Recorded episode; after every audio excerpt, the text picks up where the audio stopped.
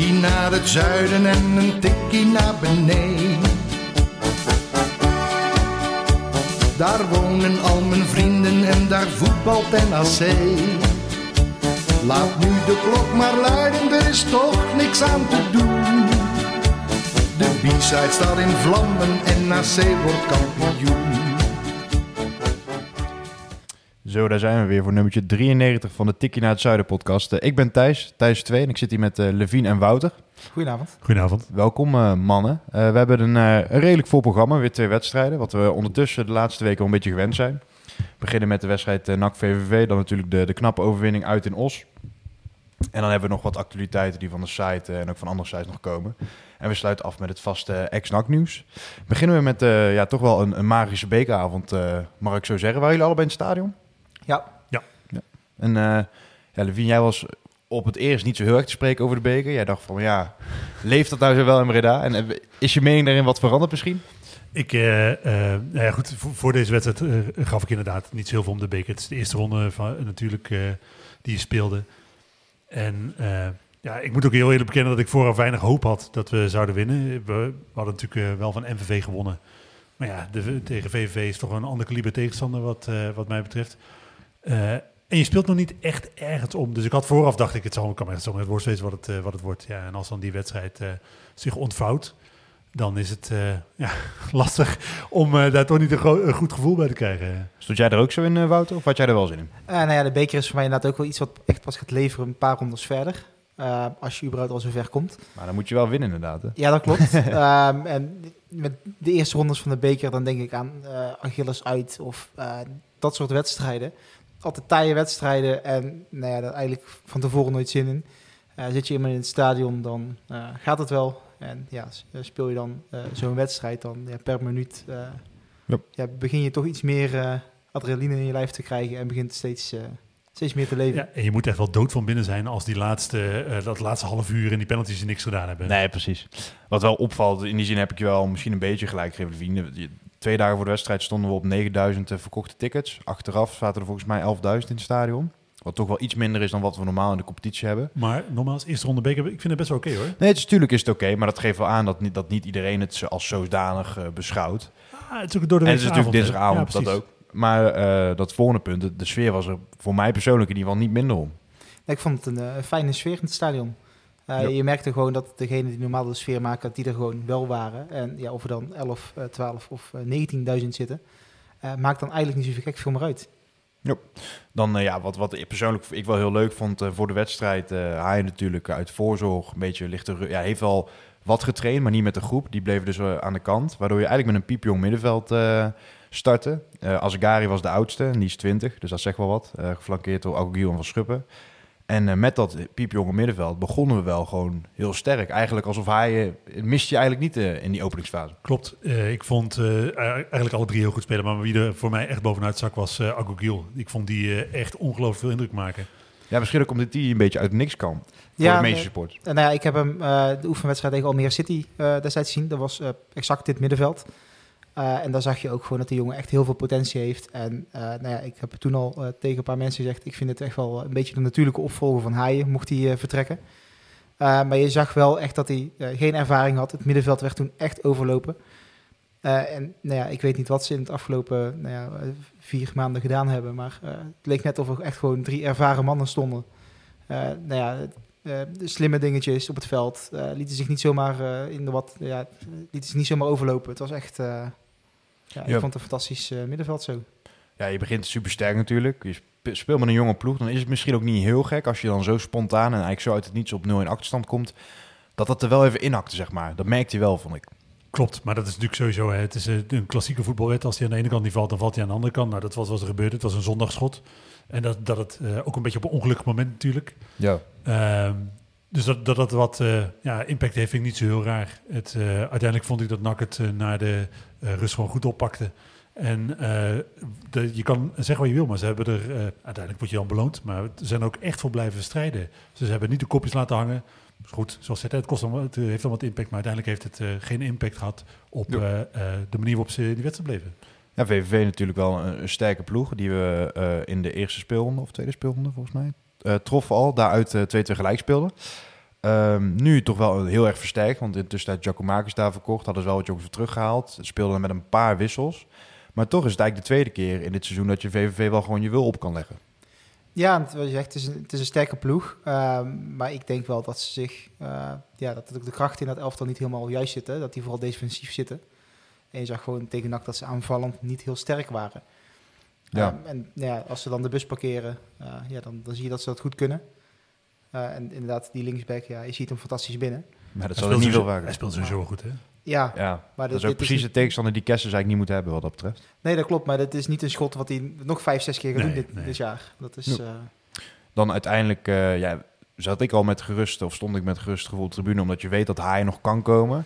En die ging kort naar rust warm lopen, dan weet je eigenlijk ook wel dat hij gaat komen. Dan is het ook wel heel exemplarisch dat hij hem dan ook nog in de kruising schiet. Al, uh, ja, ik weet niet, je voelt het wel een beetje aankomen. Zo'n paar kreeg je de bal op randje 16, dan waren, werd er al geroepen van ja, schiet, schiet. Ja, nee, ik vond het vooral mooi dat in principe, ja, dat, de klok viel natuurlijk uit. Ja, dat is helemaal uh, Dus niemand wist eigenlijk in welke minuut je precies zat. Uh, wij zaten eigenlijk op de tribune alleen maar de Bistrets Twitter in de gaten te houden van... joh, welke minuut zitten we? Want dat was eigenlijk degene die het meest accuraat was. En toen hadden we op een gegeven moment door dat we na de 85 e minuut zaten. Ja, en dan, dan zie je hem aanleggen en je telt hem al half. Ja, en dan vliegt hij op zo'n manier binnen. En dan hoor je daarna Annie roepen dat het in de 90ste minuut is. Ja dat, ja. dat kan eigenlijk niet mooier. Nee, exact. en ja, dat blijft dan toch wel de klasse die dan misschien uh, de andere middenvelders nog niet per se hebben. Maar dat is natuurlijk helemaal niet gek. Uh... Ik denk dat er weinig uh, middenvelders in deze competitie die klasse bezitten. Dat is gewoon zo. Hij is, en dat is nu natuurlijk eigenlijk al best wel een poosje. Hij is eigenlijk gewoon te goed voor, voor dit nak op dit niveau. En we mogen ons gelukkig prijzen dat hij, dat hij er nog is. En hij bulkt op dit moment natuurlijk van, het, van het zelfvertrouwen. Hij krijgt ongelooflijk veel waardering. hij voelt zich op zijn plek. Ja, en dat, dat vertaalt hij ook naar goede wedstrijden. En dat hij, uitgerekend hij hem dan maakt, is lekker. Maar eigenlijk ook wel vanzelfsprekend. Ja. Dan ga je de verlenging in en daar vond ik de opvallendste man zelf Moois Adeleu. Ik zei tegen mijn vrienden op tribune al dat ik regelmatig bij de training van NAC was voor voorbeschouwingen. En dat hij dan in de partijtje best wel vaak gewoon op het middenveld of in de spits staat. En dan dacht ze van ja, dat is op de training wel leuk. Maar je ziet toch echt wel dat die gast, ja, in de basisprincipes opbouwen vindt hij lastig. Maar hij kan echt best wel leuk voetballen, zeg maar. Maar ik heb het al een aantal keren gezegd. Uh, je weet gewoon bij deze dude dat hij uh, één moment in zijn carrière gaat hebben waarop alles lukt. Ja. Waarop echt alles lukt. Waar, waar die, waar die, Zo'n paar moedoe K-moment. Zeven man uitspeelt uh, um, met een hak over de keeper heen. Weet ik veel wat. Hij gaat eens in zijn carrière een werkelijk briljant doelpunt maken. Want als hij eenmaal op intuïtie gaat voetballen dan kan die gewoon best wel heel goed voetballen eigenlijk. Dan, uh, je hebt hem een paar keer natuurlijk een soort Maradona-achtige acties zien maken, ja. waar hij gewoon op een gegeven moment aan de actie begint maken. Ja, dan praktisch bij, bij het doel uh, eindigt en dan net mis. En dat heeft hij nu ook weer, hè, dat hij, uh, hij schiet hem met uh, ongelooflijk veel gevoel. Ja. Gewoon technisch perfect op, en dan net en uit het niks ook, hè? heel Precies. verdekt ineens schoot klopt, maar je, je, merkt wel gewoon dat hij het overzicht mist. En dat is het stukje waar, wat hij in de ja, opbouw ook mist, waardoor die opbouw gewoon lastig is voor hem. Maar uh, je ziet gewoon, hij, komt, altijd, op, nee, maar komt op een gegeven moment links buiten. Hij, hij, gaat iemand voorbij. Hij moet die bal voorgeven en hij denkt eigenlijk aan wie? Waar moet die bal nou heen? En, ja, tuurlijk. we, we, hebben een tijdje geleden natuurlijk op de site eh, die dat dinsdag dilemma gehad hebben. Wil je zeg maar zo'n degelijke Jonas Kolka of wil je zo'n momentenvoetballer? Die denkt, ja, uh, voor dat ene moment zijn carrière, nogmaals, ik, ik zeg het, ga, dat gaat onherroepelijk komen. Dit je seizoen? Gaat, of? Nee, dat weet je, ik hoop dit seizoen. Want nee, ik hoop dat je het van nak eigenlijk. Zijn contract gaat waarschijnlijk niet verlengd worden. Uh, in ieder geval, dat, dat zou mij niks verbazen als het niet verlengd wordt. Uh, hij is natuurlijk geen basisspeler. Hij heeft uh, uh, nog niet superveel indruk gemaakt. Als nieuwe eigenaar komen, zullen die waarschijnlijk een zak geld meenemen en betere spelers halen. Dus hij, heeft nog maar een half seizoen straks om het te doen. Maar er gaat echt een moment komen dat hij een briljante, briljant doelpunt maakt. En jo. dan, ja, ik hoop inderdaad ook dat het in het shirt van NAC is. Ja, beslissing veel in die zin dus nog niet, uh, helaas. Ook wel een paar kleinere kantjes, een paar mogelijkheden. Als je dan kijkt naar de penalty-series, dan uh, begonnen we ook met Adeleu. Vond ik misschien wel wat ja, opvallend gedurfd. Je weet dat hij op de training doet hij dat ook. Maar toch vond ik het niet de guy waar je dan automatisch zoveel... Schoot wel goed binnen, Ja, zeker. Ja, maar dat, er waren twee opties. Of hij ging strak de hoek in, of hij ging uit het stadion. Dat denk ik ook wel, inderdaad. En ja, wat, wat wel Adeleu, dat, is, uh, dat zeg jij inderdaad, Levine, schiet hem eigenlijk ja, nagenoeg in de kruising. En andere drie, dat zei de Lano van Krooi, keeper VVV ook, nog nooit meegemaakt. Showt hem allemaal door het midden. Ja, slim. Ja, deed ik... mij een beetje denken aan FC Groningen thuis toen voor de, voor de beker. Met, met Elshot, Laurent, uh, iedereen schoot hem toen eigenlijk ook door het midden. En dat werkt op zich wel. Tot ik, ik, ik, ik, weet nooit zo goed wat, wat de beste optie is. Ik heb wel eens gezien dat je, uh, als je een penalty moet nemen, dat je hem eigenlijk half hoog in de hoek moet uh, schieten. Dat dat statistisch gezien de grootste kans is om hem te maken. Uh, maar ja, goed, als je de drie door het midden schiet, de keeper kiest toch wel vaak een hoek, denk ik. Ja. Gewoon, uh, uh, Dus, eh, Olij zei het ook, ik weet eigenlijk niet precies wat ik doe. Ik ga gewoon op gevoel naar een hoek. Had blijkbaar alle, alle eh, keren dezelfde hoek eh, gedoken. Dus ik denk dat het misschien toch wel een keepers eigen is om een hoek te kiezen. Ja, maar het is ook... eh, de meeste spelers schieten of mikken op een hoek. Eh, nou ja, als je als keeper een beetje tussenin gaat hangen... dan heb je de meeste kans dat je een schot hebt. Vooral als hij niet helemaal, helemaal lekker is ingeschoten. Ja, als je dan eh, door het midden schiet... Ja, dat is ongelooflijk moeilijk om als je al in je duik zit... om dan nog de bal tegen te houden. Ja, nee, zeker. Die goal eh, van Van Schuppen. Ja, dat, dat, is de volgende. Oh man. Die ging wel heel langzaam, hè? Ja, maar Ja. het is, eh, hij heeft natuurlijk ook in de jeugd bij, tegen zijn maat Tijn Troost heeft hij hem zo gemaakt. Ja, een paar weken geleden nog. joh. Klopt. Eh, dus hij doet het wel vaker, maar het is wel echt cojones om hem eh, Ja. eh, in, op zo'n moment, zo'n belangrijke serie, te, met een Panenka te proberen. Ik eh, weet Ja, niet het is, eh, ja, het is een goede, ja, een goede maat van hem. Dus waar hij ook mee woont, daar had hij dus aan beloofd, eh, bleek dus achteraf, dat hij ook in het betaalde voetbal de eerste penalty zo zou binnenschieten. Maar hadden jullie het gedurfd? Nee. Ik, Hmm. oh, laten we trouwens beginnen met de vraag, had je überhaupt bij zo'n penalty-serie eh, achter de bal durven staan? Eh, ja, in mijn, toen ik zelf voetbalde, hebben, we- hebben we een paar penalties, en nam ik er altijd wel één. Maar dat, ja, ik vond het wel spannend of zo. Zeker als het ergens om ging, bijvoorbeeld een bekerwedstrijd was het wel eens dan. Eh, en ook in de, in, de, in de wedstrijden zelf wel eens penalties genomen. En ja, maar ik kan het altijd moeilijk vergelijken, want het is natuurlijk amateurveld of zo'n radvlechtstadion met zo'n vol stadion die Ik eigenlijk weet niet hoe populair jouw team was. niet heel populair eh, als je het vergelijkt met NAC. eh. maar ja, nee, ja, ik denk dat zeker als, als je een prof bent, heb je toch een bepaalde mindset vaak. En ik denk dat dat, dat soort gastjes, die durven dat wel aan. Ja, laat ik vooropstellen, ik heb de basistechniek van een vierjarige. Dus echt heel goed zijn mijn penalties niet. Ik heb het uit één keer op het toernooi gedaan. En eh nou ja, die, per toeval dat die raak was. Maar nee, dat is eh, niet aan mij besteed. Ik zou het ook lastig vinden hoor. Want ik, de- zeker eh, als je dan van dit is natuurlijk hè, een wedstrijd die wel ergens eh, om gaat, maar het is nog steeds het is nog geen finale van een Nee. Champions League of wat dan ook. Ik denk dat ik op, op zo'n moment zou ik het gewoon niet doen, denk ik. Ik, ik zou dat, eh, zou dat best wel, ik weet niet, ik zou best wel alle kleuren scheiden. Wat dan eh, ja, nog wel iets leuks om mee te nemen, dat eigenlijk de, de nummer 5, die is niet eens aan de beurt gekomen, was waarschijnlijk wel Ralf geworden, denk Ja, ik zo. ook, ja, Die eh, tegen Os, eh, waar we zo bij komen, ook gewoon prima binnenschoot. Want dan kan de keeper duiken wat hij wil, maar dan kun je er in principe nooit bij als je hem zo in het zijn. Wat vonden jullie trouwens van die tactiek? Want eh, in feite liet hij nu zijn minste penaltynemers op papier dan de, als eerste schieten. Dus in plaats dat hij met Seuntjes en Haaien begon, eindigde hij daarmee. Is dat een goede of een slechte tactiek? Want je, zag, je zegt nu zelf ook, ja, Seuntje hoeft eigenlijk helemaal niet meer aan, aan Ja. bod te komen. Ja, weet je, op het moment dat, dat die vijfde komt, dan is het vaak toch een moment dat als je hem scoort, dan gooit het in het slot of je verliest hem dan. Dus het is altijd wel tactisch om hem in die zin... eh, alleen ja, heel veel ja, andere coaches die opteren weer anders. Die zeggen van ja, die, die eerste drie, die ik wil gewoon ja, op het rijtje afgaan eigenlijk. En dat we zo min mogelijk gaan missen. En ja, eigenlijk de meeste. ja, dat denk, denk ik ook wel. Want je hebt Eh, natuurlijk in het veld normaal gesproken ook een hiërarchie. eh, waarbij je de, eerste, eh, de beste man als eerste, en dat is op zich logisch als je dat in de Ja, je loopt gewoon het risico dat, eh, dat, dat je beste nemer uiteindelijk niet aan beurt komt. En dat is natuurlijk heel zonde zijn. Stel je hebt bijvoorbeeld zo'n Harry Kane of zo. Dat is ook al eens in het verleden wel eens gebeurd bij Engeland volgens mij, in de Nations League. Die eh, nam penalty 5 en toen wa- waren ze na vier hadden ze al verloren. Weet je. Dat is wel een beetje het risico ervan. Maar ja, ja, ik denk dat Ralf misschien ook wel juist de verantwoordelijke nam. van, Ja, laat mij dan die laatste maar nemen. Ja, en je ziet ook gewoon dat, dat iedereen die een penalty nam, eh, die claimde hem eigenlijk ook wel gewoon. En die stond daar ook gewoon voor, joh, ik doe dit. Ja. Ehm, en ja, dat is een beetje het gevoel. Dus bij Boris van Schuppen, die stond er ook echt gewoon voor, joh, eh, twee vingers in de neus, maakt me geen zak uit. Hij gaat gewoon binnen.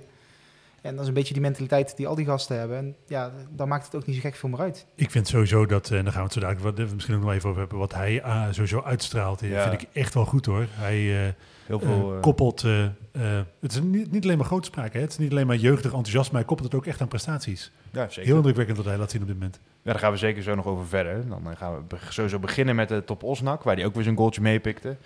Ehm, we hadden het ook in de matchcast over Levine. Eh, de Graaf begon eigenlijk al met te zeggen in de voorbeschouwing... ja, die wedstrijd tegen VVV heeft er wel ontzettend ingehakt. Eh, misschien dat we wel wat vermoeid zijn. Nou, ik zag in het eerste half uur met name een ontzettend frivol nak... die eh, echt wel gewoon goed speelde. Maar daarom was die overwinning tegen VVV ook zo belangrijk. Eh, het is zo dat eh NAC speelde die wedstrijd eigenlijk al goed. Als je naar de statistiek kijkt, ook heeft NAC volgens mij 32 keer op goal geschoten, of 32 keer geschoten tegen VVV. NAC was gewoon echt heel dominant. En alleen omdat je die wedstrijd over de streep trekt, is dat wat waard. Als je die wedstrijd verloren had, eh, had je, ja, Ja. had het helemaal niks betekend. En juist omdat je hem nu eh, voor de poorten van de hel wegsleept, hè, dus een 90 minuten die eh, gelijkmaker maakt en volgens die penalty-serie wint, dat geeft natuurlijk een mentale boost. En dat zag je denk ik tegen Top Os eh, in de eerste helft terug. Dat dat vertrouwen doet heel veel met een, met een mens. Ja. En ik denk dat dit NAC op dit moment met iedere week met meer vertrouwen gaat spelen. Dan speelde NAC ook vrij soepel weer. Net als tegen VV misschien wel. Toen de goal niet viel. Is dat ook een beetje het verschil dat, dat je tegen Top Os dan wel misschien net dat gaatje krijgt. Of net die ruimte krijgt om wel die aanvallen gewoon af te ronden. Ja, nou ja, Topos is natuurlijk wel een mindere ploeg als, als VVV. Ja, zeker. Ehm, ja, waardoor je gewoon wel inderdaad makkelijker er doorheen kan voetballen. Eh, ja, en je ziet gewoon dat, dat NAC ook gewoon het materiaal heeft om gewoon lekker te kunnen voetballen. Dus ja, dat Ja. is zeker een voordeel geweest. Dan eh, gaan we naar de eerste goal net al een beetje benoemd. Gewoon een goede penalty van Ralf. Eh, maar dat het een penalty was, doet misschien wel een beetje af aan het feit dat het ook wel weer een hele goede aanval was. Die dan uiteindelijk wordt afgerond door de Hoor. Die ik denk wel gevaarlijk op goal schiet. Was een beetje 50-50 of hij had gezeten. Maar ja, komt op een hand eh, penalty. Maar ook die daarna, dan is het, eh, staat de Pos eigenlijk al wat verder terug. En dan geeft Haaien een, een, een- ja, een heel mooi balletje op, op Van Schuppen. Maar Van Schuppen kan hem eigenlijk maar op één manier perfect aannemen. En dat doet hij dan ook. Dat, dat is wel heel knap, vind ik. Ja, dat is ongelooflijk knap. Hij neemt hem eh, eigenlijk in één beweging mee. En buitenkantje rechts speelt hij hem onder de keeper door. Yep. Ja, het, het is echt heel knap. Ik vind, eh, eh, wat ik zeg, eh, wat hij laat zien op dit moment, echt heel indrukwekkend. Want hij is natuurlijk nog steeds een jonge jongen, weinig ervaring. Maar met de week gaat hij beter spelen. Ja, maar je ziet wel gewoon dat hij, die, hij durft gewoon. Ik, ik heb hem in oefenwedstrijden gezien dat hij probeerde te scoren met zijn scorpion kick. Gewoon omdat dat de enige manier was om die bal nog te raken. En ja, ik denk er zelf niet eens aan als ik in het veld sta om dat te proberen. Omdat ik bang Met jouw afscheur. van de vierjarige zou ik het ook niet doen. Nou ja, ik scheur ook gewoon alles af. Ik bedoel, dat- ja, daar ben ik ook gewoon eerlijk in. Het komt ook niet in je op inderdaad dat dat een optie zou kunnen zijn. Nee, precies. En hij denkt van, hoe kan ik die bal nog raken? En in een split second bedenkt hij het. En hij doet het gewoon. En ja, dat is niet alleen kwaliteit met, met eh, ja, qua techniek, maar dat is ook echt gewoon je voetbalintelligentie. Als we dan daar meteen eh, doen we dan in de wedstrijd even, gaan we er even op door. Is Van Schuppen nog een jongen die uit de basis überhaupt eh, zou kunnen halen? Ik denk dat je het op dit moment niet moet willen. Ehm, het is een eh, jonge jongen uit de eigen jeugd die eh, na 11 wedstrijden op drie goals en twee assists staat. Eh reken je dat over een heel seizoen uit. Nou, ze doet eigenlijk maar al drie. Dan zou dat betekenen dat hij een goal of 19 eh, eh, maakt in zijn debuutseizoen. Ja. Dat zijn gewoon hele indrukwekkende statistieken voor een jonge speler. Die moet je, vind ik, laten staan. En dit is de toekomst van je elftal. Hè? Hij verdwijnt, waarsch- hij verdwijnt mogelijk naar de bank op het moment dat Bilate fit is. Omdat Seuntjes natuurlijk geen spits is. Uh, en normaal gesproken terug zal zakken naar zijn favoriete nummer 10 positie. Maar ik zou het wel zo echt oprecht zonde vinden als dat nu ten koste van, uh, van Schuppen zou gaan. Ja, dat is natuurlijk een beetje de vraag. Hè. Van Bilate is natuurlijk steeds geplaceerd. Uh, wanneer gaat hij weer komen? En uh, ja, voetbalt je elftal beter met uh, Ralf in de spits of met Bilate in de spits? En gaat uh, die ander gaat hij dan zakken of niet? Levine, jij bent, zeg je zelf, niet echt een fan van Ralf in de spits. Maar wat zou jouw keuze dan zijn? Je bent niet zo'n fan van Ralf in de spits. Dus dan zou je kunnen zeggen, nou ja, haal hem terug naar het middenveld. Maar dan zou je dus um, ja, Van Schuppen ernaast zetten. Of zou je misschien Ralf op de bank zetten? Is dat nee, een Ralf op de bank is natuurlijk een... Ah, ja, okay, nee, nee, nee, we even duidelijk zijn. Daar is natuurlijk, kan geen sprake van zijn. Uh, daarvoor is hij te belangrijk voor het uh, elftal in alle opzichten. Nee, ben ik met je eens, zeker. Um, maar ik vind hem inderdaad geen, geen echte spits. Al was het alleen al omdat hij, hij is gewoon... En dat, dat kun je hem niet kwalijk nemen. Hij is best wel langzaam. Dat is wel een beetje, ja. Ja, dat is, gewoon, dat, dat is gewoon echt zo. En hij moet, uh, als hij uh, als spits ook mee terugverdedigt en dergelijke, super grote afstanden overbruggen. Dat, dat, ik, ja, hij komt daar gewoon niet tot zijn, uh, tot zijn recht, vind ik. Ik vind hem, als hij in de spits staat, in de kaats niet altijd super geweldig. Uh, vanaf het middenveld uh, doet hij dat beter, vind ik. Dus als je de kans krijgt, ja, dan moet je hem natuurlijk gewoon op het middenveld zetten. Alleen, zo, nogmaals, ik zou het zonde vinden als het nu ten koste van, van zou Ja, gaan. Maar je ook moeilijk met twee teams spelen. Je zegt dat, de kost, of dat hij niet heel goed is in de kaats, maar de bal waar de penalty uitvalt, daar geeft Ralf geeft er wel heel mooi mee op Kai de Roy. Nou, misschien moet ik zeggen het verkeerd. Dat, ik vind dat als hij paast, vanuit ze, met de rug naar de, naar de goal, dat het, hij geeft het meer dan eens een hele goede bal, maar het is vaak echt wel regelmatig ja. dat de bal meters voor of meters achter zijn medespeler is.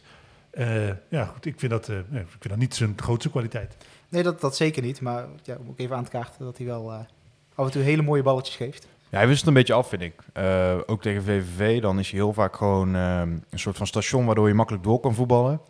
Maar als je het op dan een beetje ja, lastig krijgt, merk je dat hij ook af en toe wel een balletje verkeerd geeft. Alleen ja, ik ben dus een beetje... Ja, ik ben wel van mening, ik vind hem in de spits best wel goed. Alleen op 10 is hij wel een echt stuk beter. En ook in de wedstrijd in het verleden, waar dan bijvoorbeeld Koosja mocht invallen. En Koosja zelf ja, is nog niet echt op het niveau, vind ik zelf. Maar die de Seuntjes op 10 halen, dat, dan kwam er meteen weer een soort van uh, nieuwe gaars in het elftal. Klopt, uh, Pilaat is natuurlijk een iets ander type voetballer. Um, die is dit seizoen is hij uh, wat blessuregevoeliger dan vorig seizoen. En gaan we dan voor het, de de vastigheden met Ralf in de spits? Of ga je dan kijken van Bilate iets blessuregevoeliger, uh, dan ga je iets, voetballend iets beter, gaan we dat risico nemen? Ik denk dat op het moment dat uh, Bilate niet fit is, dat je in de winterstop sowieso een spits haalt. Uh, ik zou het heel raar vinden als NAC uh, uh, ook de tweede seizoenshelft met een, een heel blessuregevoelige en één te lichte andere spits ingaat. Yep. Dus ik vermoed dat er sowieso een spits gaat komen. Of sterker nog, ik vind dat er een spits moet komen. Yep. Ja, maar als je kijkt hoe het elftal nu staat uh, en met het middenveld hoe het nu staat, uh, dan is Ralf best een prima spits, uh, een tweede spits. Ja, punt is alleen, en dat, ik weet niet hoe jullie het over denken, ik vind dat Ralf krijgt heel weinig kansen als spits. Hij krijgt heel weinig mogelijkheden om echt af te drukken. Terwijl in mijn beleving, als hij op nummer 10 staat, ja, hij veel vaker in kansrijke positie. Als spits staat hij vaker tussen de twee centrale verdedigers. die zetten hem allebei klem. En wanneer hij op nummer 10 staat, dan komt hij bij de spits, eh, waardoor hij moeilijker te verdedigen is. En ik denk dat aanvallend word je dus ook beter op het moment dat je hem gebruikt op een positie waar hij beter tot zijn recht komt. Want hij staat nu op 9 goals. Nou ja, op nummer 10 gaat hij niet opeens heel veel minder scoren. Dus dan kan je hem eigenlijk wel uh, voor een goal 15 tot 20, nou, 15 conservatief gerekend, uh, opschrijven. En dan als je daar dan een spits voor zet, die er zelf ook nog een stuk of 10 maakt, ja. ja dan word je natuurlijk aanvallend wel een heel stuk gevaarlijker. En dus ook de kans dat je wedstrijden wint opeens een heel stuk groter. Ja, helemaal met je eens. En ik denk ook dat Bilater gewoon uh, puur de werklast van, van Ralf heel erg kan verlichten door gewoon oorlog te voeren. Waardoor Ralf zich meer kan focussen ook op andere dingen. En nu is het inderdaad vaak Ralf die gewoon met twee mannen zijn nek uh, het spel nog moet maken. En daarom zeg je, oh sorry. Uh. Zou dat niet ten koste gaan van de ontwikkeling van Van Schuppen? Ja, nee, dat, dat is dus de grote vraag inderdaad. En uh, Van Schuppen heeft natuurlijk in de jeugd ook vaak uh, hangend op links gespeeld. Maar daar heb je natuurlijk ook weer je mannetjes die, je eigenlijk, die eigenlijk ook wel gewoon goed zijn op dit moment. Ah, en aan de andere kant is natuurlijk ook, hij is natuurlijk 19. Uh, het is, hij gaat onherroepelijk een, een, wat mindere fase in de competitie krijgen. En dan is het op zich prima dat je hem uh, gewoon vanaf de bank kan laten komen. Lekker zijn minuutjes mee kan laten pakken. Uh, kan ook nog met onder 21 meedoen natuurlijk. Precies, dus er valt op zich ook wel wat voor te zeggen om hem achter Ralf als tweede nummer 10 te gebruiken. Ik het alleen nu op dit moment in deze vorm, zou ik het zonde vinden als hij naar de bank verdwijnt. Dan ja, de, dat zijweggetje sluiten we dan af. Dan kom je natuurlijk wel ja, ongelukkig weet ik niet, maar je komt op 1-2 door een, een lange bal van, van, vanuit achteruit die, bij Tejan. Een man die er inderdaad er nogal typisch uitzag. kaal, geen wenkbrauwen, of in ieder geval bijna geen wenkbrauwen. En die neemt hem eigenlijk perfect aan, schiet hem in één keer onder Olij door. En dan zei jij, Wouter, dat jij vond dat het centrum daarin wat te traag was soms in ja, de omschakeling. ik vind dat met Malone, dat, dat het centrum Malone-Bakker gewoon echt heel goed staat. die zijn echt goed aan het verdedigen de afgelopen weken. maar je ziet gewoon dat allebei niet de snelste verdedigers zijn, of de snelste spelers. Um, en dat, die spits van Os is ook niet de snelste. Nee. Um, en je ziet Maria houdt op dat moment die, die shockt terug, of die houdt in, of uh, ja. ik weet niet wat daar precies gebeurt. Maar dat is wel de buitenste man in principe. Dat is in principe de buitenste man, maar dat is ook de snelste van de drie. Die op dat moment nog achterin staan. Maar hij is ook niet zo heel snel. Hè? Nee, maar wel de snelste van de drie. Van die wel, ja. uh, en je ziet Bakker erachteraan rennen en ja, die verliest gewoon een sprintduel en dat, dat is jammer. Uh, ik zeg, voor de rest ja, die Tejan neemt hem wel echt perfect mee. want op het moment dat, die aanname niet perfect is, dan kan Bakker misschien nog terugkomen. Dat klopt. En uh, het is heel goed dat hij gewoon wel meesprint. Uh, maar dat is, eh, als ik een minpunt moet benoemen van het duo op dit moment, is pure snelheid. Ja. en verder staan, wat ik zeg, staan ze echt gewoon goed te verdedigen. Komt dat net voor de rust, die tegengoal? Dan heb je wel als de Graaf denk ik wel de kans om ze gewoon meteen in de rust weer ja, bij de les te krijgen. Ja, dat zei hij ook, hè? Dat hij dat uh, gedaan heeft. Het was, uh, uh, ja goed, die, die tegengoal was, als je naar de kansverhouding kijkt, was het niet heel raar dat hij op een gegeven moment zou vallen. Maar het was wel onnodig voor mijn gevoel. Het had niet per se Groevenak, had de wedstrijd, en moet hier, als, ik heb dat nog niet gedaan, ga ik wel even doen. compliment aan de gasten van Radsport. Ja. Die hebben mij en heel veel andere supporters echt een plezier gedaan door die wedstrijd weer in beeld te brengen. Dit uitvak leent zich ook iets beter voor dan bijvoorbeeld het uitvak bij Jong AZ of Jong Ajax. Jong Ajax, ja. Uh, waardoor ik ook echt serieus die wedstrijd goed heb kunnen volgen met uh, de camera die zij daarop uh, hadden. Af en toe een beetje inzoomen. Wat ik nog wel mis is herhalingen. Ja. misschien ook ergens anders in het stadion met een tweede camera neerzetten. Dat ik als je toch bezig bent. nee, dus dat. heel fijn dat, dat zij dat mogelijk gemaakt hebben. Ja, en, zeker. Ja, goed, die goal, dat is gewoon pech hebben. Ik, wat jij zei ook al, hè, dat, dat centrum Bakker Malone staat heel goed. Ik ben natuurlijk denk ik een van de meest uitgesproken mensen uh, geweest die, die zowel Malone als Bakker aardig afgezeken heeft. Ja. Uh, maar ik moet daar echt op terugkomen, want ik vind dat het uh, nog steeds, vind ik ze allebei afzonderlijk van elkaar, niet de allerbeste ja. verdedigers. Maar in combinatie werkt het echt fantastisch. En Malone is echt een slot op de deur. valt echt scherp, komt in deze rol veel beter tot zijn recht dan op het middenveld. Precies. En Bakker daarnaast doet eigenlijk ook niet zoveel verkeerd. En is hij opbouwen natuurlijk echt van meerwaarde. Dus ik vind de, de combinatie echt heel erg werken. Het, eh, geen enkele reden voor de Graaf om, eh, om daar te wisselen op dit moment. Zeker. Daar bakken gaan we zo meteen ook wat dieper op nog op in. Dan eh, de 1-3. Na ja, een kleine storm van Top Os zonder echt eh, serieuze kansen af te dwingen. eh, is het Yassine Azagari die in het degradatieseizoen uit mijn hoofd thuis tegen Heerenveen of de Graafschap debuteerde. Dat is al wel een aantal jaar geleden. Nu dan eindelijk ook zijn eerste goal mocht aantekenen. En ja, daar was hij ja, dolgelukkig mee. Ja, leuk hè. Het is net zoals Van Schuppen natuurlijk echt een jongen uit de, uit de eigen jeugd. Eh, volgens mij iets minder lang in de eigen jeugd eh, gespeeld dan eh, Van Schuppen. Komt natuurlijk van uh, JVOZ, als ik het goed heb. Ja. uit, ja, het is gewoon cool. Hij, heeft, eh, hij is echt een echte jeugdspeler, dus die, die zijn minuten in het eerste maakt een beetje tussen bank en basis gependeld. eh, ook wel terecht denk ik dat, dat de Graaf hem eerder Ja, dit seizoen uitgehaald heeft. Vroegt ook in de matchcast van, heeft hij dat nou gedaan met te prikkelen? Ja, zegt hij, dat, dat denk ik wel. Maar hij doet het gewoon hartstikke goed de laatste weken. Hij gaat met de week eh, beter voetballen, vind ik. En dan is het heel leuk dat hij het kan be- bekronen met een doelpunt. Ja, en je zag ook in de onder 21 dat hij daar ook eh, niet regelmatig, maar af en toe scoorde. Uh, dus je ziet ook wel gewoon dat hij dat kan. Ja, het is gewoon mooi dat hij het nou ook gewoon het eerste laat zien. Want ja, het is, uh, hij heeft de afgelopen weken ook redelijk wat kritiek gehad op de tribunes. Uh, in ieder geval om mij heen. Uh, ja. ja. ik vind het gewoon mooi dat hij zich op dit moment gewoon uh, op deze manier laat gelden. Precies. We hebben net even de discussie gehad over Van Schuppen, of je die er al uit kan halen. We hebben het ook zelf uh, aan Yassine gevraagd uh, in de matchcast. Of hij nou zelf vindt of hij al een baasspeler is of een onbetwiste baasspeler. Nou ja, onbetwist wil ik nog niet, wil ik nog niet zeggen. Ik denk dat ik nog wel ja, iets, ja, iets, iets, ja, iets meer kan brengen denk ik, om dat echt te worden. Alleen ik merk wel dat de bepaalde waardering die ik natuurlijk ook van het team krijg. Ik, werk nu heel goed samen met Tom Heij op het middenveld bijvoorbeeld.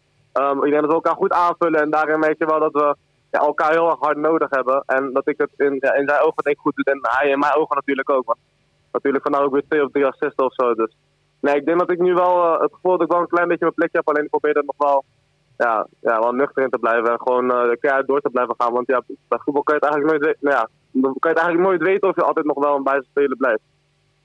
Ja, nou, duidelijke taal denk ik. Nuchtere ziel, hè? Ja, ja. ja die zin, uh, in die zin zeker. En ik denk ook wel dat hij nog een beetje het voordeel heeft uh, dat, dat hij in die zin wel uniek is. Hij is niet per se nummer 6, net als hij en Agogiel. En ook niet per se nummer 10. Dus voor die positie daartussen is hij op dit moment... Je weet niet wat er met die Kagro gaat gebeuren. Misschien ook nog zo over gaan hebben. Um, hij is toch wel de enige die dat profiel een beetje heeft op dit moment. Ja, het is een echte loper. Uh, hij is uh, overal op het veld wel uh, redelijk te vinden. Ik moet zeggen dat hij een fantastische opmerking maakt dat uh, hij het in zijn ogen wel goed doet. Ja, dat... dus, niet alleen in zijn ogen. Maar ja, je ziet gewoon, uh, ja, hij is overal op het veld. Uh, moet hij naar voren, dan loopt hij naar voren. Uh, hij is niet te beroerd om als iemand zijn mannetje laat lopen, om daar uh, achteraan te lopen. Uh, in het begin van het seizoen was hij af en toe nog even verdwaald in het veld, omdat hij gewoon niet meer wist uh, waar hij achteraan moest lopen. En best wel nonchalant af en toe. Ja. ja. En dat, dat zwemmen in het veld is een, een beetje eraf. Uh, het nonchalante zit er af en toe nog wel in. Maar als hij dat er ook eruit krijgt, dan uh, denk ik echt dat een, een, voor NAC een goede speler gaat worden. Ja. Zijn contract loopt natuurlijk af, hè? En dat is natuurlijk uh, een van de vragen die je moet gaan stellen van uh, deze, win deze winterstop. Van, ga je verlengen of niet? Ja. Wat zouden jullie doen op dit moment? 100% verlengen. Maar dat had ik ook al gedaan voor deze periode. Ja, terwijl ik in eerste instantie, eerder dit seizoen, uh, het heeft heel lang geduurd voordat ik echt zijn meerwaarde uh, zag. Het, in de ja. eerste fase van het seizoen zag ik echt uh, nog steeds niet wat, hem nou, wat hij nou toevoegde. Maar inmiddels, ja, nadat hij op de bank gezeten heeft, ik vind hem echt, wat zoals het met de week beter gaan spelen. Ja, ik ken hem best wel goed uit de jeugd en daar was hij altijd heel goed. Dus ik, ik had dan de hoop dat hij dat nog altijd wel een beetje kon bereiken of zo. En ik ben ook van mening dat, ook al is het maar de, de vijfde man uit je selectie, dan heb ik liever zeg maar, drie jaar lang Yassine dan de hele tijd wisselende mensen. Zeker, ik zou hem ook gewoon uh, verlengen. Uh, in het begin van het seizoen zelfs al. Ja, ondanks dat hij inderdaad af en toe aan het zwemmen was of nonchalant was.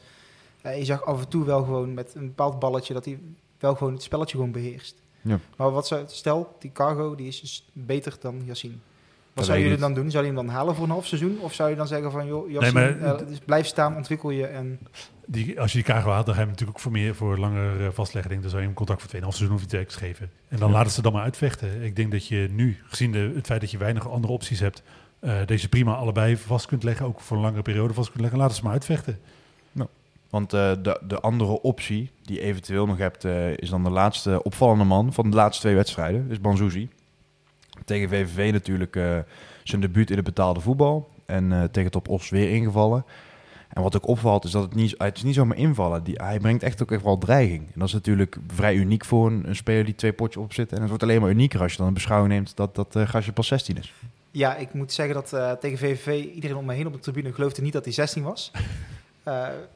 deels door zijn, ja, door zijn uiterlijk natuurlijk, een vrij grote jongen. ja, ik, ja, ook net als bij Van Schuppen, net of hij geen zenuwen had. Uh, hij ging er gewoon vol voor. Uh, met iets meer geluk uh, had hij al twee of drie doelpunten kunnen maken. Ja, dat is gewoon hartstikke mooi voor zo'n gast. En je, ja. je, ziet gewoon, hij gaat overal naartoe. hij mist af en toe nog wel een beetje de intelligentie of de, de ervarenheid van dat hij weet waar dat hij precies moet staan op zo'n moment. Maar hij loopt het gat wel weer gewoon zelf dicht. Ja, zeker. Uh, Michael had hem voor de camera na de wedstrijd. En uh, die heeft hem ook even gevraagd, uh, voor ook de mensen zoals wij die hem misschien wat minder kennen, wat voor type speler hij nou is. ik ben een middenvelder, aanvallend, kan ook verdedigen. Box-to-box spelen. maar ik speel het liefst aanvallende middenvelder. Ja, een kort antwoord. Zoals eigenlijk de meeste van zijn antwoorden kort waren. Dit was nog een van de langste. Klopt, dat was super, daar hebben we deze gebruikt ook. Ja, nee, ja dit even ook te maken dat je 16 bent. Uh, Alex zei het ook al tegen ons dat het zijn eerste interview ooit was. Dat is ook wat niet zo gek als je 16 bent. Dus vandaar dat hij misschien nog wel korter van stof was. Want de, de meeste antwoorden waren, ja klopt. Inderdaad. Ja, ja, ja zeker. Ben je aanvallend middenveld? Ja. Ja. Dat, ja, dat is mooi. Ik vind dat wel mooi. Ja, en, je, en je liep al overal eigenlijk, hè? Ja. Maar zouden jullie dan kijken van, uh, joh, uh, jij kan overal spelen. Um, we hebben Yassine, we hebben Boris, uh, we hebben Haaien, we hebben Agogiel, uh, we hebben Ralf. Joh, weet je wat, vechten jullie het maar uit en is er eentje minder, dan geven we iemand van de jeugd de kans. Dat zou misschien voor dit seizoen kunnen zijn dat we ermee niet kunnen promoveren, niet mee, zo, dat we niet promoveren daardoor, uh, maar dat die gasten wel groeien. Zien jullie dat dan liever of hebben jullie dan uiteindelijk zoiets van, joh, altijd, hè? maar dat hebben we. En dat, dat is ook uh, ergens, uh, vind ik ook dat we als supporters best wel ons gelijk halen dit seizoen. Want ook vorig jaar hebben we natuurlijk, uh, ja goed, luister de podcast maar terug, vaak genoeg gezeken op het feit dat NAC zo'n oude selectie had, waardoor er geen enkele basis was voor, voor, voor, volgende seizoen als je niet zou promoveren. En met dit elftal, je kunt, als je wat, op, wat op dit moment, dit seizoen aan jeugdspelers al minuten gemaakt heeft, kun je praktisch een heel elftal al vullen. Ja. Uh, praktisch iedere positie heb je al iemand gehad die uh, minuten heeft gemaakt. En uh, die jongens, daarvan weet je, dat is namelijk hoe jonge voetballers werken, die worden alleen maar beter. Dat, die, die gaan met iedere wedstrijd die ze spelen, met ieder jaar dat ze uiteindelijk in de benen hebben, alleen maar beter worden. En we hebben vorig jaar groep van, goh, weet je, ga nou gewoon, een, kies nou een keer gewoon voor eigen jeugd. En kijk ja. maar waar het uitkomt. En dan heb je in ieder geval, als het komend jaar niet lukt, dan is de kans dat het het jaar daarna lukt. Uh, wel meteen een stuk groter. In plaats van dat je weer uh, een, een, miljoen, twee miljoen uh, door de play spoelt.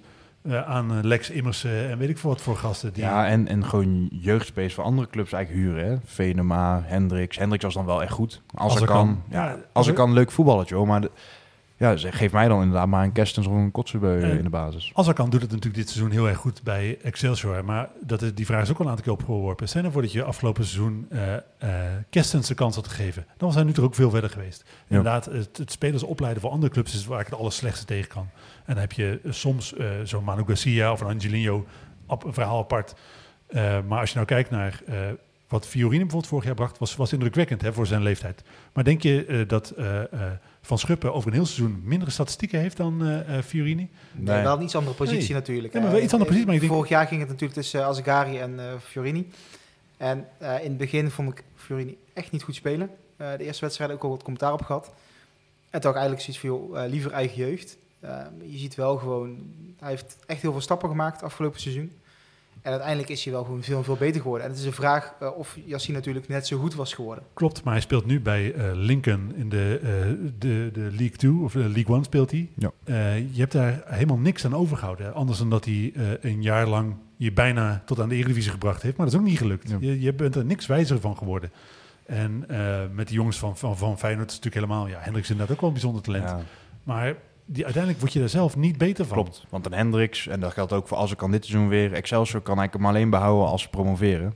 En als je niet promoveert, dan komt zo'n jongen toch niet en je hebt er geen geld voor. Dus hetzelfde met Hendricks. Als wij waren gepromoveerd vorig seizoen, had je Hendricks misschien met geluk nog een keer kunnen huren. Feyenoord zit niet zo heel dik in de centrale ja, hij, is, hij, is, hij, hij, is, minuutjes gemaakt. Hè? Hij, is al, hij is gewoon minuut aan maken. Dus ja, dat, je, je, je koopt er eigenlijk niks voor. Daarom zou ik dan eerder zeggen, doe het dan met optie tot koop. Maar dan zul je weer niet dezelfde talenten kunnen gaan betalen. Eh, we zitten natuurlijk wel al ja, nu wat, eh, wat verder in de podcast. We hadden nog een, eh, een, een vraag voor Yassine. Ehm, waar we een beetje deze kopjes mee gaan afronden. Als ik wel één ding over Oh, huurspelers mag tuurlijk, zeggen. Dus wat ik ook belangrijk vind, en Fiorini heeft natuurlijk, vond het wel leuk om vannacht te spelen. Gar- Garcia een verhaal apart. Die, ik denk nog steeds met, met warme gevoelens terug aan Breda. Maar in principe geven, jeugdspe- of geven huurspelers niet zo heel veel om je club. Die spelen daar puur en alleen voor zichzelf. En het feit dat je nu jongens eh, zoals zo'n Van Schuppen, maar ook zo'n Banzuzi, dat zijn echte jeugdspelers die een heel andere binding met de club en met de supporters hebben eh, dan eh, huurspelers. En dat is me ook wel waard. Ja, nee, zeker. En dat aspect is wa- waar je nu denk ik wel deels van geniet als, als, als, als je die jongens ziet.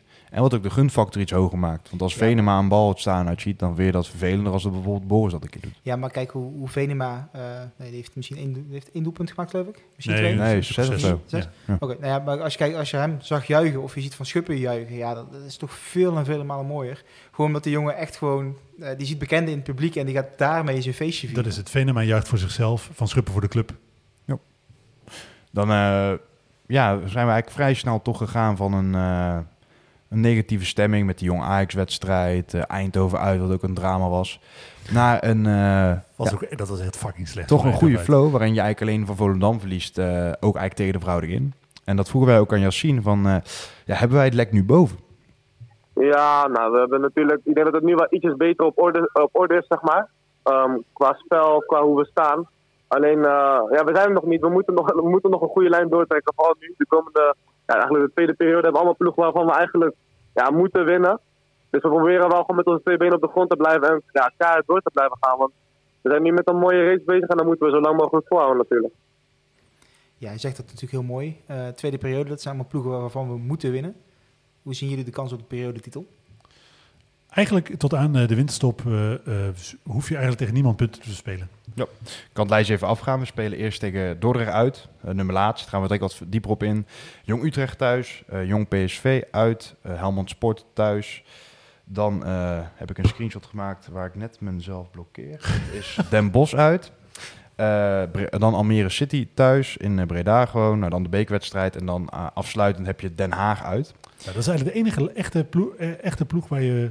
Ja, want Den Haag staat nu een plekje onder ons. Maar dat komt natuurlijk omdat ze veel punten in mindering hebben gekregen. En Almere City, daar zei je vooraf aan het gaan aan het seizoen, had je toch echt wel gedacht dat dat gewoon een veel betere ploeg was. We, Ja, we zijn- winnen daar als Verbeek nog trainer is. Eh, als Verbeek tegen de tijd ontslagen is, dan is, wordt het gewoon een hele lastige wedstrijd. Al speelden wij ook tegen Almere toen Tobias ontslagen was? Of gebeurde dat net erna?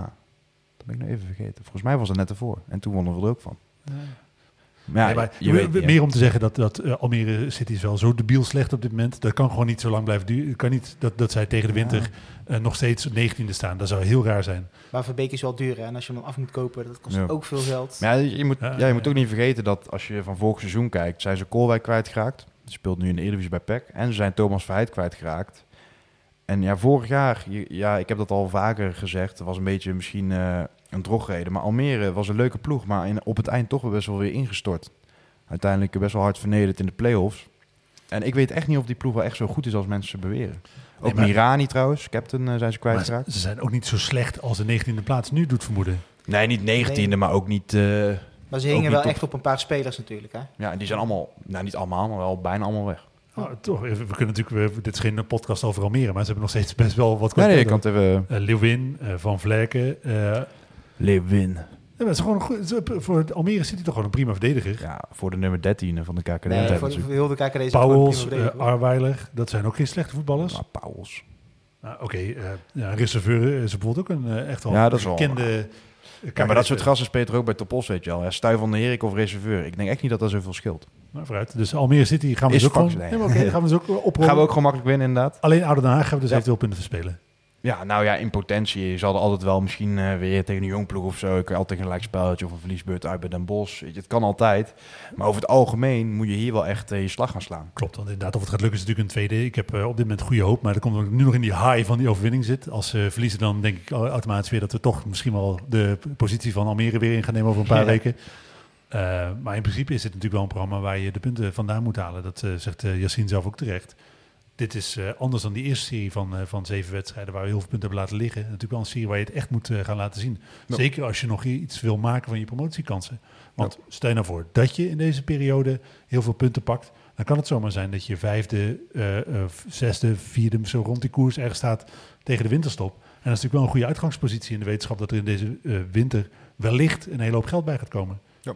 Wouter, als je dan je eigen vraag beantwoordt, denk jij dan dat een uh, periodetitel haalbaar is? Eh, Ik denk dat de, de kans erop vrij reëel is. Uh, ik, vind alleen niet dat we onszelf alvast rijk moeten rekenen. Want Nee, uh, uiteraard. Mijn Doe wel, ervaring hè? als NAC-supporter reek- uh, dat leert mij gewoon dat zodra ik me rijk ga rekenen, het toch keihard onderuit gaan.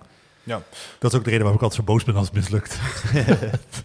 Nou ja, Yassine zegt in ieder geval zelf, eh, wil ook niet te veel op de zaak vrijlopen, maar zegt wel dat hij het eh, redelijk op orde heeft. Meteen het, het bruggetje met Yassine, maar ook Agogiel. Eh heel actueel nieuws, want dat kwam vandaag eh, kwam dat, online, dat uh, Azegari en Agogiel allebei maar Marokko onder de 23 zitten. En dat is, ja, denk ik voor die gasten een heel mooi compliment. Ja, super tof. Het is hartstikke leuk sowieso om te zien hoeveel eh, jeugdinternationals en eigenlijk ook A-internationals we inmiddels in de selectie hebben. Ja. Het is natuurlijk een, sowieso is, is dit een compliment voor de jongens, maar ook een compliment voor de jeugdopleiding. Dat we inmiddels toch wel kwaliteit afleveren. Ja, en er zijn gasten van 20 en 19 jaar die gewoon in de onder 23 gaan spelen zo meteen. Uh, ik weet niet of ze ook nog onder 21 hebben.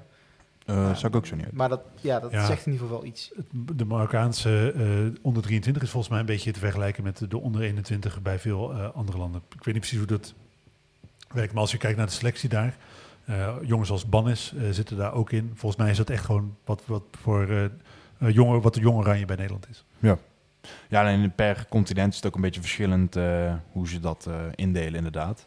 Ehm, ja, het is in ieder geval wel eh voor Azegari, kijk, die heeft natuurlijk ook al redelijk wat ervaring voor 20-jarigen.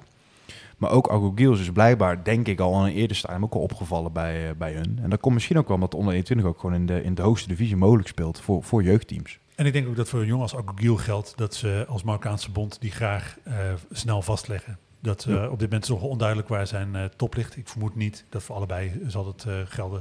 Ik vermoed niet dat ze allebei het Nederlands elftal zouden halen op het moment dat ze dat zouden willen. Maar ik kan me wel voorstellen dat de Marokkaanse bond er graag snel bij is. Zijn broertje speelt wel bij Ajax, die is wel Precies. een beeld.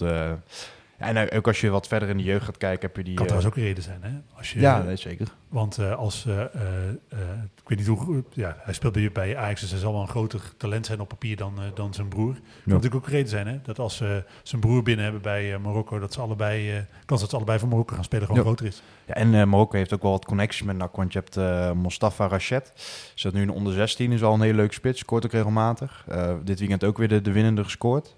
Dan heb je natuurlijk Omer Mekawi, die iedereen inmiddels wel kent qua Die naam. natuurlijk voor Nederland. Ja, die, maar dat is wel een jongen die ook bij Marokko al een paar keer is uitgenodigd. Ik weet niet of die ook daadwerkelijk is gegaan uiteindelijk.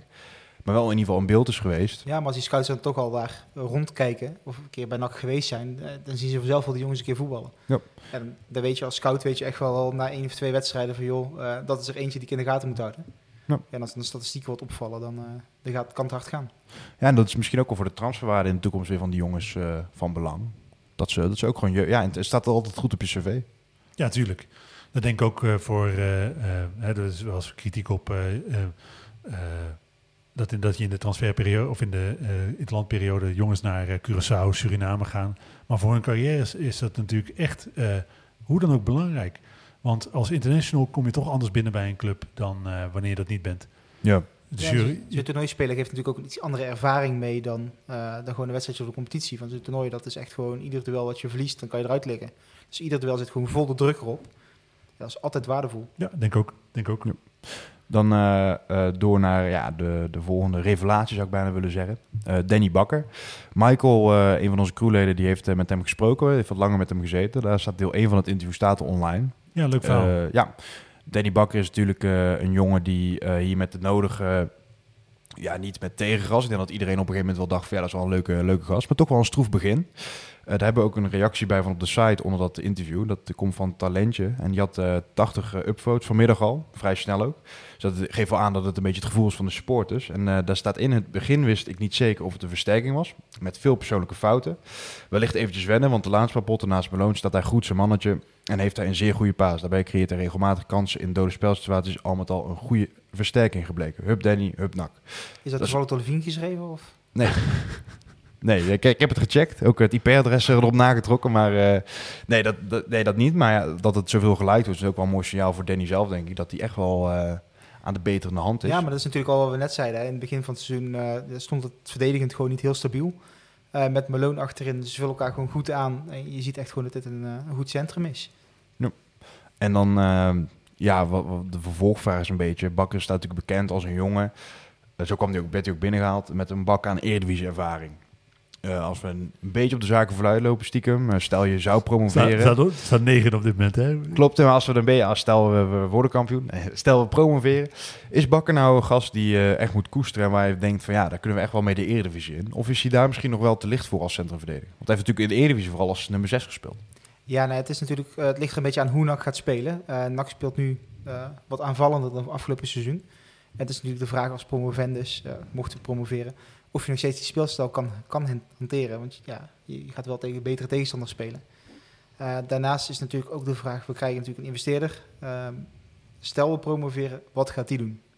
Ja, ja maar ik vind, ja, op zich, op zich is Bakker wel het, het type voetballer wat je een beetje moet hebben. Kijk, hij, hij, is, hij is redelijk jong nog, 26, 27 is hij volgens mij. 26. En ehm, wel met een ja, zo'n dusdanige ervaring. is gewoon Nederlands. Dat klikt vaak toch ook wel iets beter. Dat in plaats van zo'n vreemdelingenlegioen.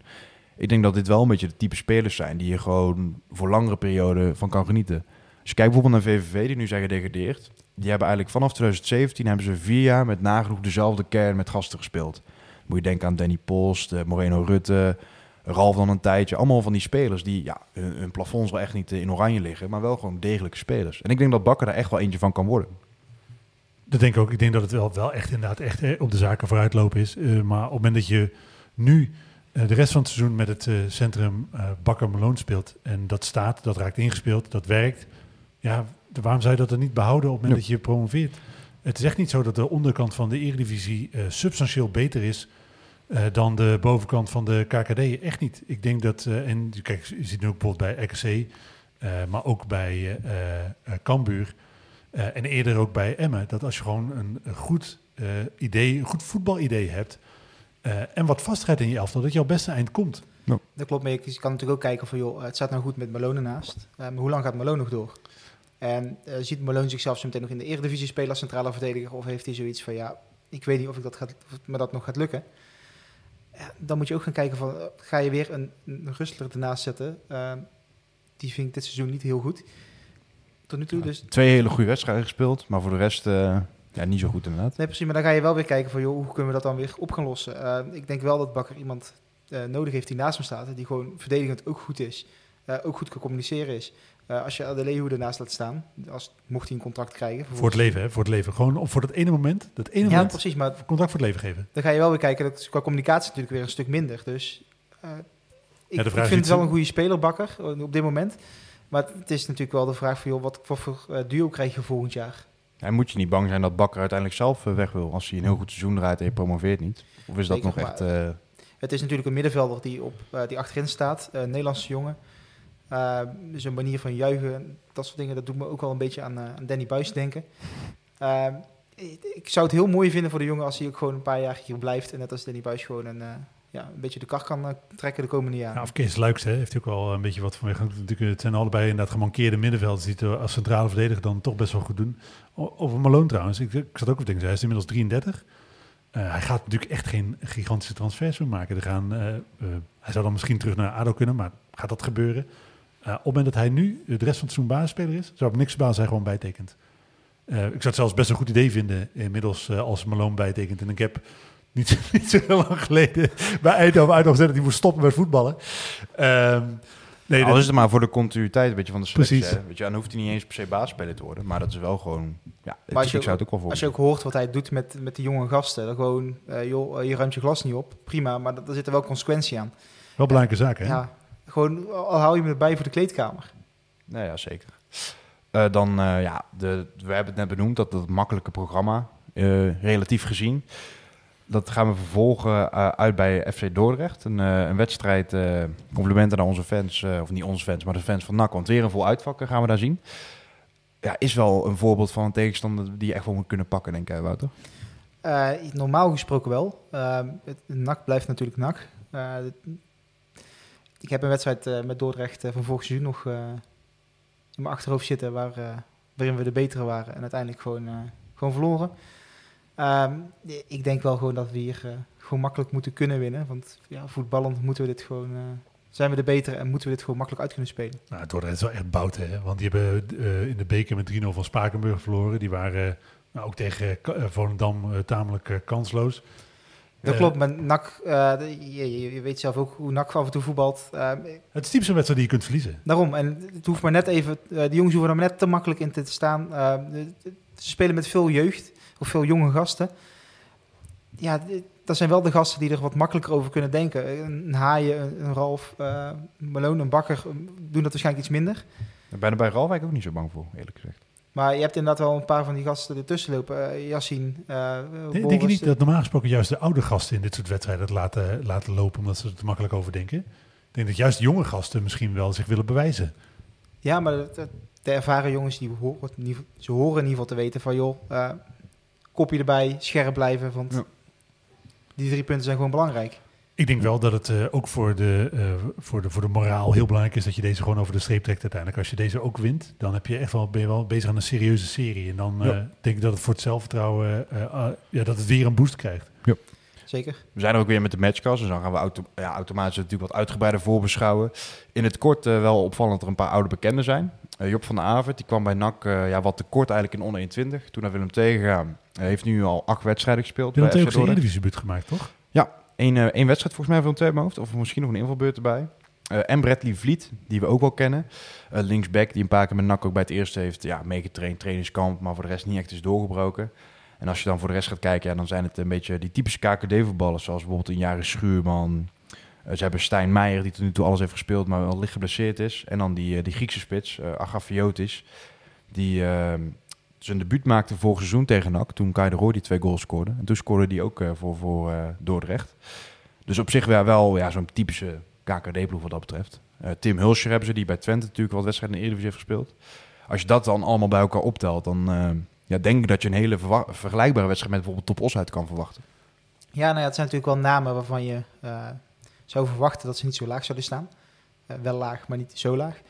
Ehm, ja, het hoeft me net goed te vallen voor die gasten. En ja, het publiek erachteraan, het ja, kokende rival Hoogwerkstadion. Ja, nee, ja, dat natuurlijk niet. Maar je, je weet, het, dat is bij VVV thuis ook. Uh, scoor je hem zelf niet of lukt het niet, hij kan zomaar aan de andere kant vallen. En ze hebben wel voetballers uh, die een doelpunt kunnen maken. Of die die bal net toevallig goed kunnen raken, waardoor hij ja. fantastische doel vliegt.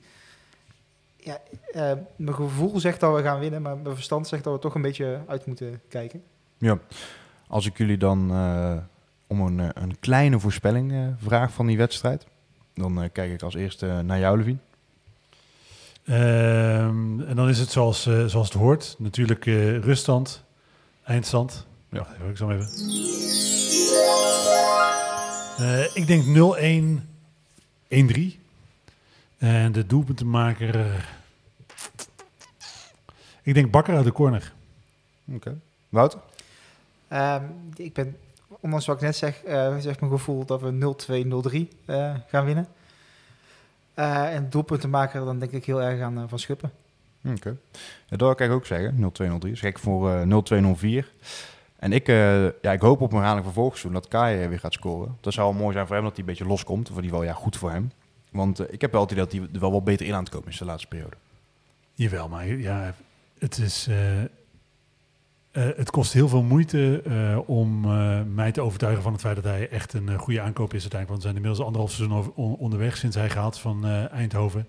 En hij heeft eigenlijk nog geen moment, of hij heeft wel momentjes gehad, maar hij heeft nog geen enkele periode, geen enkele langere periode zijn meerwaarde bewezen. Ik vind het echt nog steeds heel erg tegenvallen. Tegen Topos natuurlijk wel degene die de penalty veroorzaakt.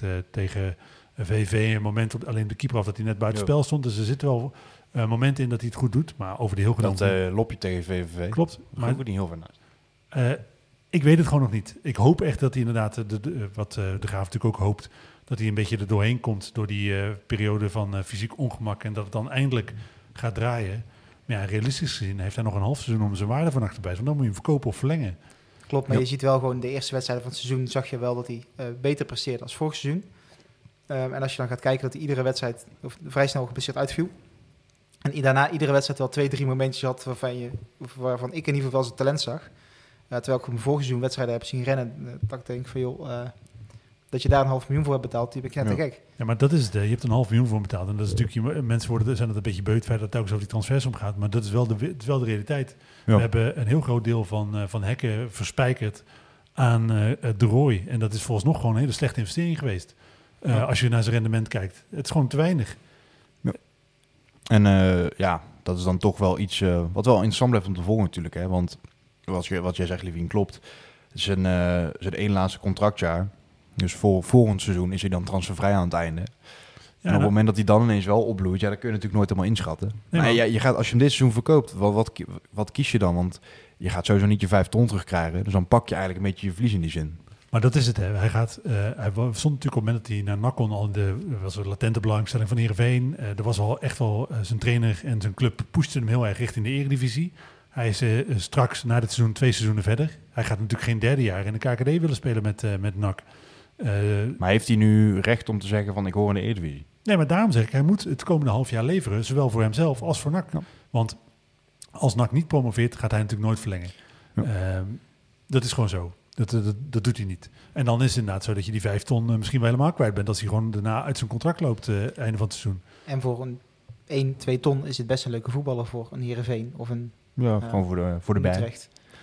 Het is een beetje ons, eh, eh, en ik hoop dat het eh, goed uitpakt, maar volgens nog is het wel een beetje ons Sunderland till die moment. Dat we eigenlijk gewoon veel te veel betaald hebben voor een speler Ja. die het nog niet echt waarmaakt. Nee, zeker. Nogmaals, ik hoop dat als hij de, helemaal fit is, dat hij er na de winterstop eh, 10 inschiet. Eh 15 bij voorkeur.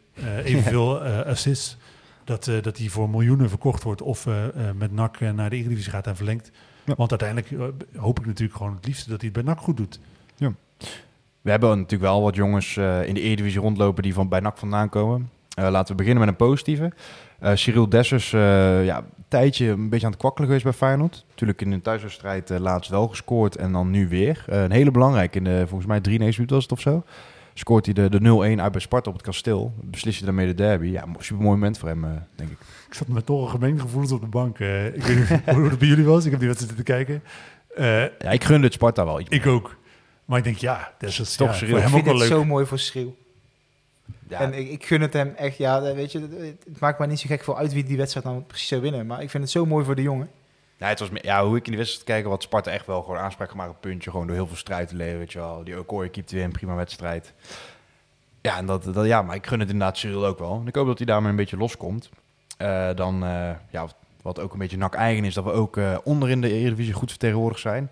Van Mats Seuntjes, die ik echt een super sterk seizoen vind spelen. eh, die zakte na een bizarre wedstrijd, je die hebben gezien? Die 4-3. Ja, bizarre wedstrijd eh, waarin ze het eigenlijk helemaal vergooien. Zakken ze nu toch de degradatiezorgen in. En bij mij gaat dan altijd weer een lampje branden van... Ja, zou, zou die misschien toch niet, eh, als Fortuna ook degradeert... zou die niet ooit nog bij NAC terugkomen? Ik zou het heel mooi vinden, ook omdat ik gewoon als speler eh, gewoon wel fan van hem ben. Maar daarvoor is, dat is het is wel een moeilijke situatie. Want eh Suntjes, eh, Mats in dit geval, komt eigenlijk alleen als we Eredivisie spelen. Terwijl ik denk, hmm, Ralf in de Eredivisie, is dat nog wel eh, de beste... komt hij daar wel het meest tot zijn recht. Maar Ik weet niet vooral of dan baasspeler is. Nee, maar of hij dus... genu- Ja, oké. Ja, Maar ja, eh, dat wel, ja, zeker. Als zij samen spelen, zou ik het natuurlijk hartstikke fantastisch vinden. Hartstikke leuk, man. Heb je dat stukje van Perez gehoord? Wat hij over uh, Seuntjes zei? Eh, dat, nou ja, puur qua- voetballende kwaliteit, dat het weer echt wel eh, hoger op kan. Eh, dat hij met AZ, AZ ook gewoon prima voetballend mee kon. Eh, maar dat hij vooral een beetje twijfelt over waarom hij nou niet hoger speelt. Hij stond natuurlijk afgelopen zomer in de belangstelling van Feyenoord. Ja. Ehm, maar Perez denkt dat het misschien wel een beetje mentaal is. Eh, dat hij niet helemaal de mentaliteit zou hebben. Dat is kritiek die Benak ook altijd kreeg, hè? dat hij te flegmatiek zou zijn. Eh, en hij oogt heel flegmatiek, maar hij, oogt langzaam. Maar hij was de Hij is, snelste. hij is reed snel. Eh, d- dus het Voor was een beetje de schijn die hij tegen had. Ik denk Ja. overigens wel dat het goed is dat hij niet naar Feyenoord is gegaan. Want eh Dinos, die natuurlijk bij... Ja, dat is eh, precies hetzelfde spelen waar ik ook een dag, weet je wel. Die deed het bij Fortuna ook hartstikke goed en die heeft het daar echt niet gered. Ze zitten Ja. inmiddels al tijd niet meer bij de selectie. En eh, bij AZ heeft Seuntje natuurlijk ook altijd een beetje tussen bank en basis gepenneld. Ja, echt de twaalfde man. Ja, maar dat is natuurlijk hij- ook, hij kan op iedere positie uit de voeten. En hij is nergens echt een specialist in. Hij kan in de spits, hij kan op 10, hij kan op links en hij kan op rechts. Ja, En ook wat het is niet echt een rechtsbuiten, het is niet echt een linksbuiten, het is niet echt een spits en het is echt een 10. En Ik ja, heb er wel een bekerwedstrijd van AZ dat hij centraal achterin stond zelfs. Dus bij, wat dat betreft heeft hij echt bijna alles gehad. Ja, maar dan denk ik voor zijn eigen carrière is dus ook, hij is nou bij Fortuna echt de grote man. Dat is wel ruk dat hij dan een elftal speelt, wat uiteindelijk eh, misschien wel, eh, als het helemaal verkeerd uitpakt, eh, gaat degraderen. Maar hij gaat normaal gesproken zelf dubbele cijfers halen. Hij staat nu op zes goals uit mijn hoofd. Eh, ik denk uiteindelijk is het toch leuker om super belangrijk te zijn bij een elftal dan altijd maar eh, te moeten vechten voor een eh, plekje in de, in de basisopstelling. Ja. Ja, dat is ook met je salaris te maken hebben, denk ik. Ja, goed, Ja, dat, vergoedt veel, dat vergoedt veel wezen. Ja, Ja. verluidt 4,5 ton, wat hij bij Fortuna schijnt te verdienen. dat zal niet veel onder zijn salaris liggen dan, denk ik. Ja, ik weet, en in Turkije zou hij niet slecht verdiend hebben. Dus eh ik Nee. snap dat Mats altijd lachend voor de camera staat. Ja, nee, maar ja, Turkije ik daar was hij dat zelf... bij eh, NAC kan voetballen. Nee, dat snap ik ook. Was eh, in, die, in die zomerstop dat hij daar wegging, was hij een keer bij mij toen ik nog bij de Jumbo werkte, was hij in de winkel. En toen vertelde hij dat over Turkije, dat hij dat wel zo'n, eh, dat vond hij zo'n, ja, uiteindelijk foute beslissing van hemzelf. Daar was hij echt niet op zijn plek. Ehm, dus ja, hij is wel blij dat hij terug in Nederland is. En ik hoop hem nog een keer terug te zien in het Radverleg, want voor mij ja, is het toch wel een van mijn favoriete spelers. Gewoon puur omdat, ja, het is misschien de schijn tegen, maar ik vond hem wel altijd heel goed bij NAC.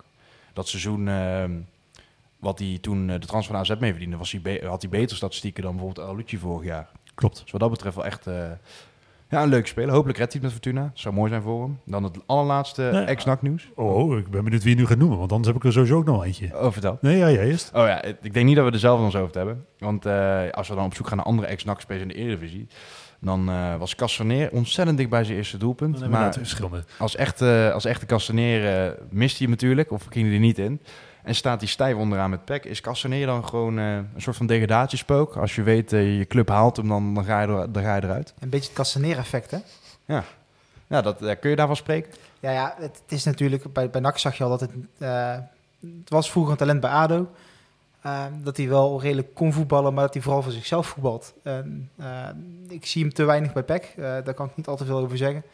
Maar de momenten die ik gezien heb, was inderdaad wel dat je zegt... Of dat ik zag van, joh, eh, dit is echt eh Castaneer die voor Castaneer voetbalt en voor niemand anders. Ja, maar dat is een beetje net zoals met die huurspelers waar we het over hadden. Het zijn van die dudes die echt alleen voor zichzelf spelen. Die gewoon eh, eh, volgend jaar met evenveel plezier het shirt van een andere club aantrekken. Dat, eh, ja. Ja. ik hou daar niet van. Ik hou er echt niet van. Ik ben geen fan van Castaneer. Nee, ik ik denk dat we dat eh, allemaal wel hebben. Nou, jouw eh, ex-NAC nieuws. Ja, er zijn er twee eigenlijk. Al- Alfred Schreuder is eh, weer eh, Oh ja. clubloos. Op Die is eh, natuurlijk, omdat Ronald Koeman ontslagen is, eh, ook bij Barcelona vertrokken. Eh, ik hoop nog steeds dat hij ooit eh NAC-trainer gaat worden.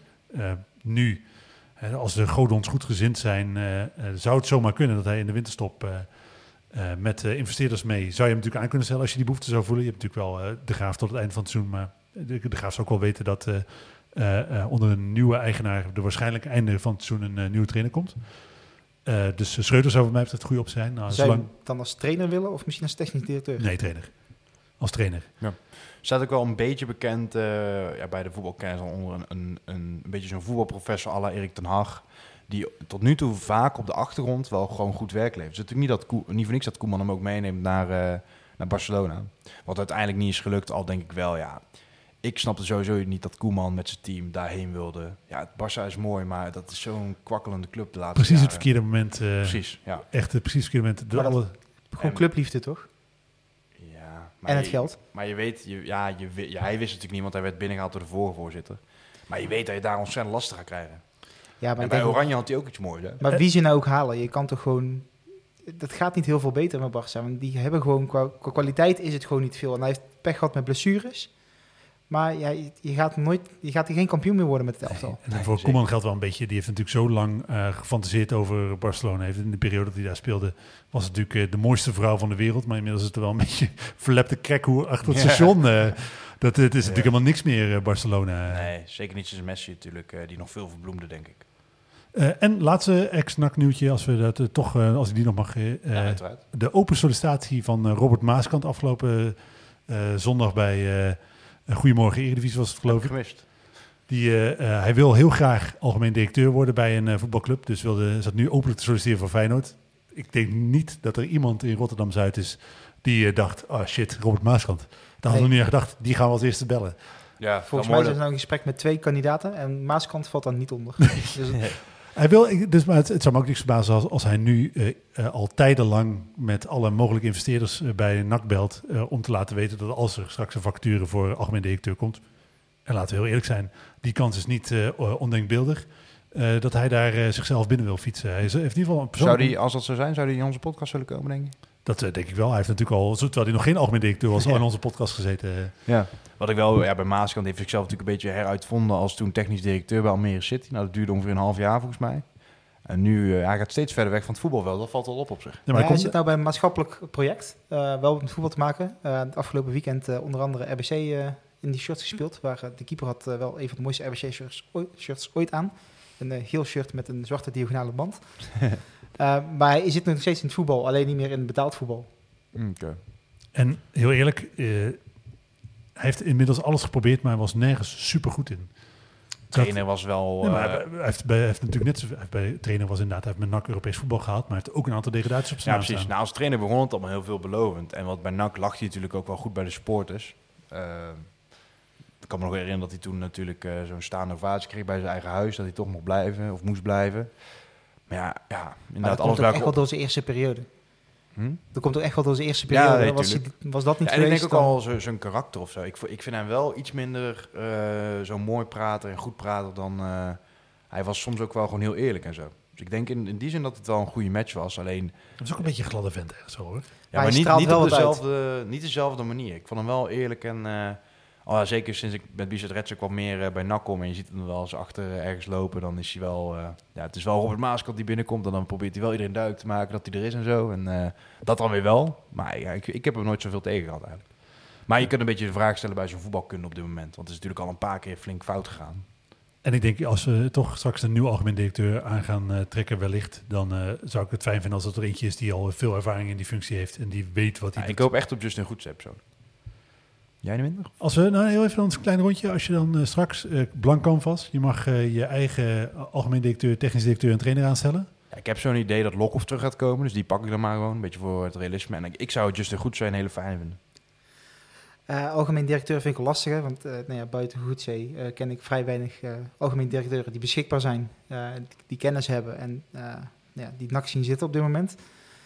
Eh, en qua technisch directeuren, ja, eh, ergens heb ik de hoop dat we Stuart terug uit Amerika kunnen halen. zou ik ook wel mooi vinden. ja. Die zou ik dan als algemeen directeur neerzetten. Als je dan eh, eh, algemeen directeur Ernest Stewart, dan zou ik technisch directeur Ton Lokhoff, want die wordt natuurlijk, eh, kan dan ondersteund worden door eh, Stewart, die als technisch directeur ervaring heeft. En als we dan toch, ik bedoel, ik heb een grote zak geld op mijn beschikking, Keem Arnold op de bank, hè? Dat, eh, Ja, die hoorde ik ook. Ja, ja, Maar de Graaf ik- is goed bezig, zou je dat dan...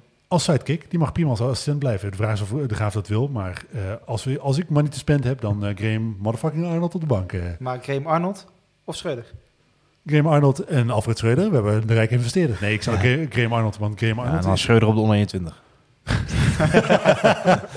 Nou, Oké, dus dit is ons... eh, ja, hier, hier kun je het mee doen. eh. Dat, Ik is, denk dat dat best is wel- nou nog eens een technisch hart eh, waar je u tegen zegt. dit is wel een organisatie even neerzetten. Hè? Dan, hoeveel minuten? We hebben hier twee minuutjes voor nodig gehad om het even neer te zetten. Als dan de Amerikanen het geld brengen, dan eh, zijn we er snel uit. Nee, maar als die Amerikanen binnenkomen, dan zou Stuart helemaal geen raar idee zijn. Die zou ik in ieder geval wel gebeld hebben. Eh Graham Arnold spreekt ook Engels. Dat is ook logisch. en Ton Lokhoff. Wat doet, ook- eh, wat doet Tony Vipmar nu? Dat is, die werd ook al genoemd, hè? Dat, eh, ja, ook, dat heb ik ook, ja, goed, ja, maar dat- we dwalen nu wel heel erg af. Sikora zit ook nog steeds in Australië. ook wel een hele warme band mee. eh Tony Vietma. Antimilicic, als je toch in Australië zit, inderdaad. Eh als Latko Arambasic loopt ook nog wel ergens rond. Peter Zois, we hebben zat Australiërs gehad. En nu rij je Weer mijn... hij eh, terug. Birgiti kan ook nog. Goed. We hebben in ieder geval voldoende ex-nakkers genoemd. eh. Ja, klopt. Toch nog een actie aan rubriek eh, inderdaad gehad. Eh, dan denk ik dat we de, de luisteraars weer van harte kunnen bedanken voor het luisteren deze keer. Eerste keer met ons, met ons nieuwe apparaat. Dat is wel goed gegaan, denk ik. Hè? Ja, ik, het valt niks tegen. We hebben de andere roodkasten ligt bij eh Reude om Ja. gerepareerd te worden. Die was echt super kapot. Ja. En dat is waarschijnlijk nog steeds. Dus ik hoop dat we gewoon een nieuwe krijgen. En dan hebben we twee spiksplinternieuwe Ja. Apparaat. Nou, in ieder geval hartstikke bedankt voor het luisteren. Eh, Wouter en Levine, ook bedankt voor jullie bijdrage weer. En dan eh, zien we jullie graag terug eh, volgende week.